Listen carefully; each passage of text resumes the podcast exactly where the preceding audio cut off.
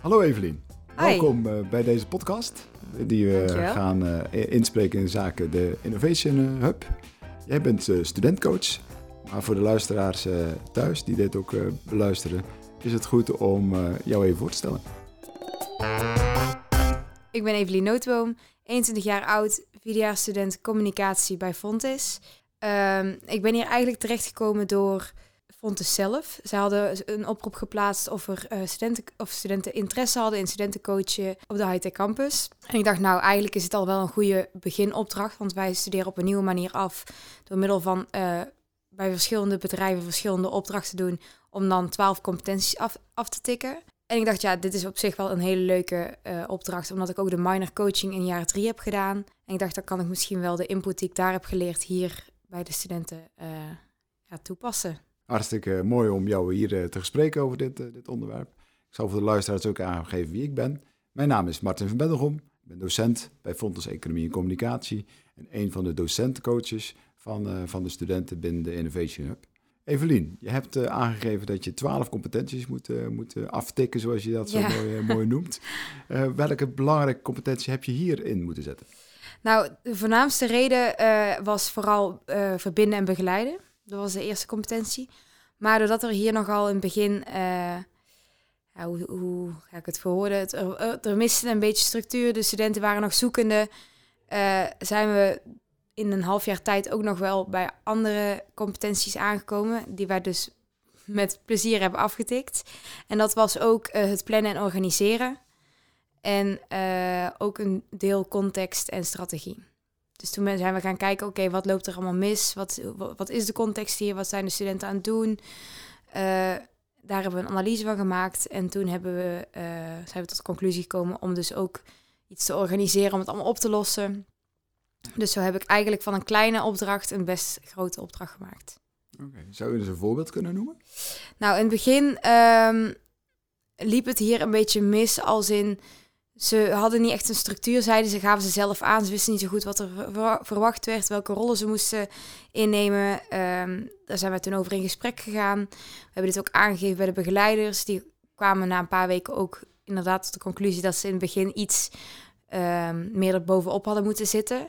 Want dat doen ze bij de andere um, locatie die op Strijp zit, dat is ook Fonds Consultancy. Uh, zitten ze er wat meer bovenop de begeleiders. Dat gaven, gaven de studenten op, op ook aan. Dus daar ging het eigenlijk allemaal heel soepel in het begin en hier niet echt. En de studenten hebben elkaar ook niet echt ontmoet van beide locaties. Dus ze hadden niet echt het gevoel dat het één bedrijf was. Want het is op, eigenlijk officieel is het één bedrijf op twee locaties. Maar, uh, en daardoor kwamen er onderling wel wat frustraties. En uh, ja, dat is een beetje logisch als je elkaar niet ziet en je hoort dan, oh, die zijn om uh, drie uur al weg, maar wij zitten hier tot vijf uur, van negen tot vijf. Dus die frustraties kwamen er een beetje. En uh, dat merkten wij heel erg bij de studenten hier. Ze waren bezig over, ja, maar dan weten ze toch niet dat wij hier ook gewoon heel hard werken. En toen uh, zijn wij als coaches samen gaan zitten, want ik doe dit samen met drie andere coaches. Met Naomi, Verien en Manon. En uh, toen zijn wij samen gaan zitten en ik zeg, nou jongens, dit, dit loopt niet helemaal soepel. Ik merk frustraties bij onze studenten. Ze voelen zich niet serieus genomen, terwijl ze net zo hard werken als die anderen. Toen hebben we contact opgezocht met de andere studentcoaches bij Strijp. Dat zijn er veel meer. En uh, zijn we met z'n allen rond de tafel gegaan. Wat, wat speelt er nou? Nou, daaruit kwam eigenlijk inderdaad dat er dus verschil was in begeleiding. Hier worden ze heel vrijgelaten, wat ook een heel positieve manier is. Alleen in het begin was het gewoon daardoor wel wat meer zoeken naar structuur. En uh, nou hebben we dus een contextanalyse van gemaakt. Dus daarmee die competentiecontext en uh, strategie aangetikt. En daarna zijn we aan de slag gegaan met het organiseren van een teambuilding, zodat ze toch wat meer het groepsgevoel krijgen. En dan aansluitend met een borrel natuurlijk, want dat wordt hier heel, heel graag gewaardeerd. Dus je hebt echt wel een, interventie moeten plegen, als ik dat zo beluister. Nou, het leek ons een goed idee. Kijk, we hadden het ook niet kunnen doen en kunnen adviseren gewoon aan de begeleiders van, of de, de docenten eigenlijk, van... Uh, doe bij volgende cohort van tevoren een gezamenlijke introweek in plaats van allebei apart. Oké, logisch dat je voor de Hightech Campus, daar hebben ze, werken ze met hubs, dus, en dat doen ze op Strijp niet. Dus dat ze dat hier een paar dagen ook hier moeten gaan zitten. Maar ik denk zo'n borrel of zo'n teambuilding samen is wel een goed gevoel voor een ja, samenhoor een, een goed idee voor een samenhorigheidsgevoel, zeg maar. Nou, dit was de eerste week, hè? Dus de eerste weken planning, organiseren, Ja. de chaos een beetje eh, ehm, beperken. Ja, precies. Eh, en daarna, want daarna eh, heb je studenten begeleid. Studenten komen naar jou toe. Klopt. Wij hadden in het begin hadden wij. we we waren dus met. We zijn met vier coaches. We hadden afspraak gemaakt. We gaan ze verdelen via hubs. En ze zaten op de AI, ja, Vit- Vitality Hub en op de AI. En toen zeiden wij, oké, dan zullen wij die de vijf pakken. Ehm, dus dat was Mi- Miriam, nee, Miriam Ummer en eh, Milou. Die hadden Naomi en Verin op, op eh, ja, hoe zeg je dat? Als coach. Als, ja, als coach, precies. En wij hadden dan Willem, ehm Jaël, Okkie, Timo, dat ik niemand vergeet Nee. natuurlijk.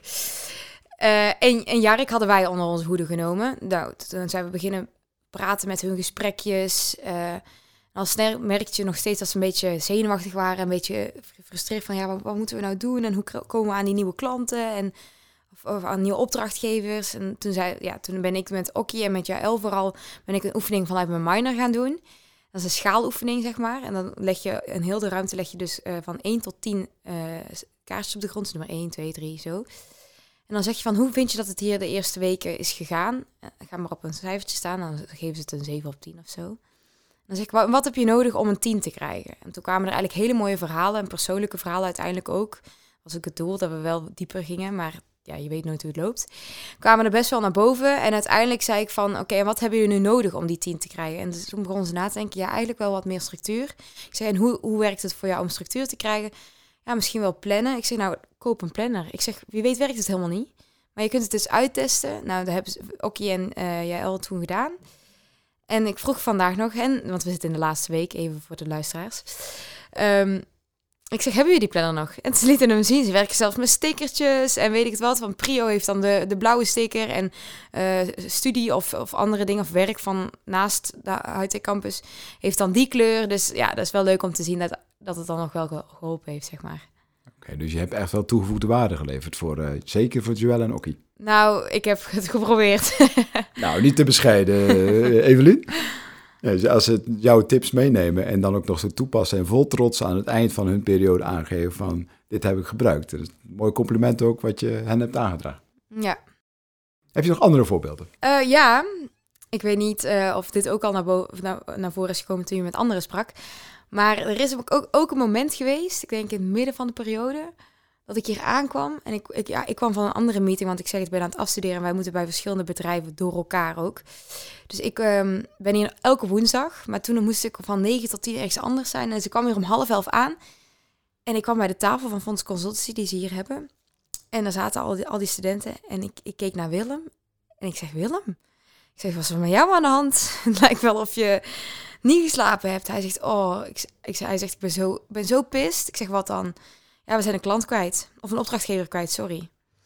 Ik zeg, hoe dan? Ja, we hadden een eh, potentiële opdrachtgever en eh, ja, daar moesten wij allemaal zaken voor doen. En dan hadden we vandaag een meeting gepland staan. Alleen eh, vanochtend kwamen we erachter, of tenminste, ik wist dat die meeting vandaag was, maar andere teamheus van mij die dachten dat het morgen was, want we hadden het niet goed in onze Excel, want ze gebruikten een Excel sheet, Excel gezet. Eh, de verkeerde datum hadden we erin gezet. We hadden er morgen gezet in plaats van vandaag. En we kwamen er dus achter dat het vandaag was. Dus ik zeg, oh nee, en toen? Ja, we hebben dus vanochtend gemaild of we het niet kunnen verplaatsen. Want ja, we hebben het niet goed genoeg voorbereid. We hebben wel iets, maar niet alles is af. Ik zeg, nou, les 1. Ik zeg, nooit een uur van tevoren mailen dat je, het af, dat je niet komt. Want ook al heb je niet veel, laat dan al zien wat je hebt. En zeg dan, zouden we eind deze week nog een keer kunnen meeten? Want eh, we hebben nog niet alles af vanwege een, ehm, ja, een tijds, eh, verkeerde tijdsplanning. Ik zeg, dan kan hij nog altijd, heeft hij tenminste wel gezien dat jullie ermee bezig zijn geweest. Ja, ja, daar, zijn we nou ook al achter gekomen, zei hij toen. Dus ik kwam al meteen erachter van, oké, er mist hier gewoon echt iets van een agenda waar iedereen in kan kijken. En toen sprak ik later Timo ook en die zei van... eh, ja, ik ben, ik ben gestrest. Ik zeg, hoezo ben je gestrest? Ja, ik moet dit doen en ik moet dat doen. Maar ondertussen komen ze mij nog onderbreken voor dat. En ik zeg, maar kun je niet gewoon zeggen dat je even Timo-time hebt? Als in even tijd voor jezelf. Hij zegt, ja, ja, dat kan ik wel zeggen. Maar ik zeg, weet je wat? Ik zeg, ik ga me nou eens bezighouden. Ik zeg, ik heb toch nog eh, op dit moment niks te doen. Ik zeg, ik merk dat hier echt nood is aan een gedeelde agenda. Ik ga eens kijken of er van die tools zijn. Ik denk, ja, dat zal toch wel bestaan. Dus toen ben ik op eh, internet gaan kijken en toen zag ik inderdaad allemaal verschillende tools en zo'n gratis tool. Timetree heet die volgens mij, ja, Timetree. En die kun je dus ook implementeren in Teams. Dus je kunt ook in je Teams agenda die tool, of, of in Teams die tool uh, toevoegen, dat die dus daarin staat. Nou, en dan kun je dus uh, je eigen tijd invullen. Dus als ik gewoon even me-time wil, zet ik daar van 10 tot uh, 11 dat ik bezig ben met voorbereiden van een presentatie of weet ik veel wat. Dus zoals Timon dus nodig had, Timo dus nodig had. En, um, maar dan zet ik ook bijvoorbeeld een meeting die wij nou samen hebben, zet ik daar ook in. En dan ziet bijvoorbeeld uh, Manon of Verien, die mij dan eigenlijk nu wil bellen, want ze hebben mij nou nodig. Die ziet dat ik nou met jou deze podcast opneem. Dus dan, ga, dan weet ze, die kan ik nou niet storen. Dus die, hebben ze, die zijn ze toen gaan gebruiken en die gebruiken ze nu nog steeds. En uh, vonden ze ook een hele fijne tool. Dus dat is een hele goede tip voor als iemand uh, een gedeelde agenda nodig heeft. Timetree. Mag niet sponsoren, denk ik, maar... Uh, of promoten, bedoel ik. No spon. nee, maar dus die zijn ze nu aan het gebruiken om dus, ja... Ook met hun eindpresentaties die ze nu hebben dan...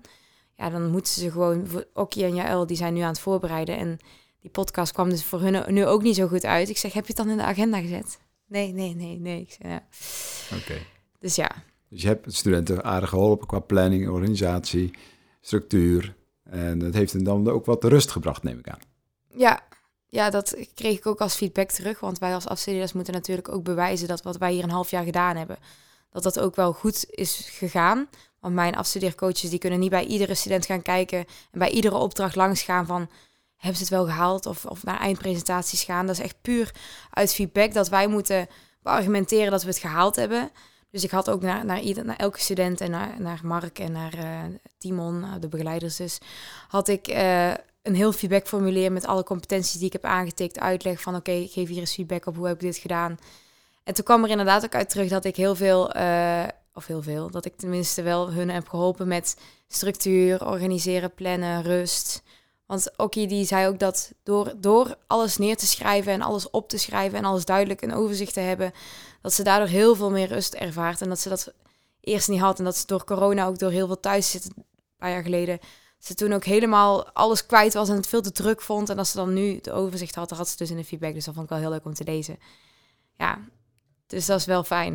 Dus dat is prachtig wat je nu terug kunt koppelen naar je eigen opleiding. Ja. Wat je hier geleerd hebt en wat je gedaan hebt. Dat dat ook een positieve feedback heeft, uh, heeft gekregen.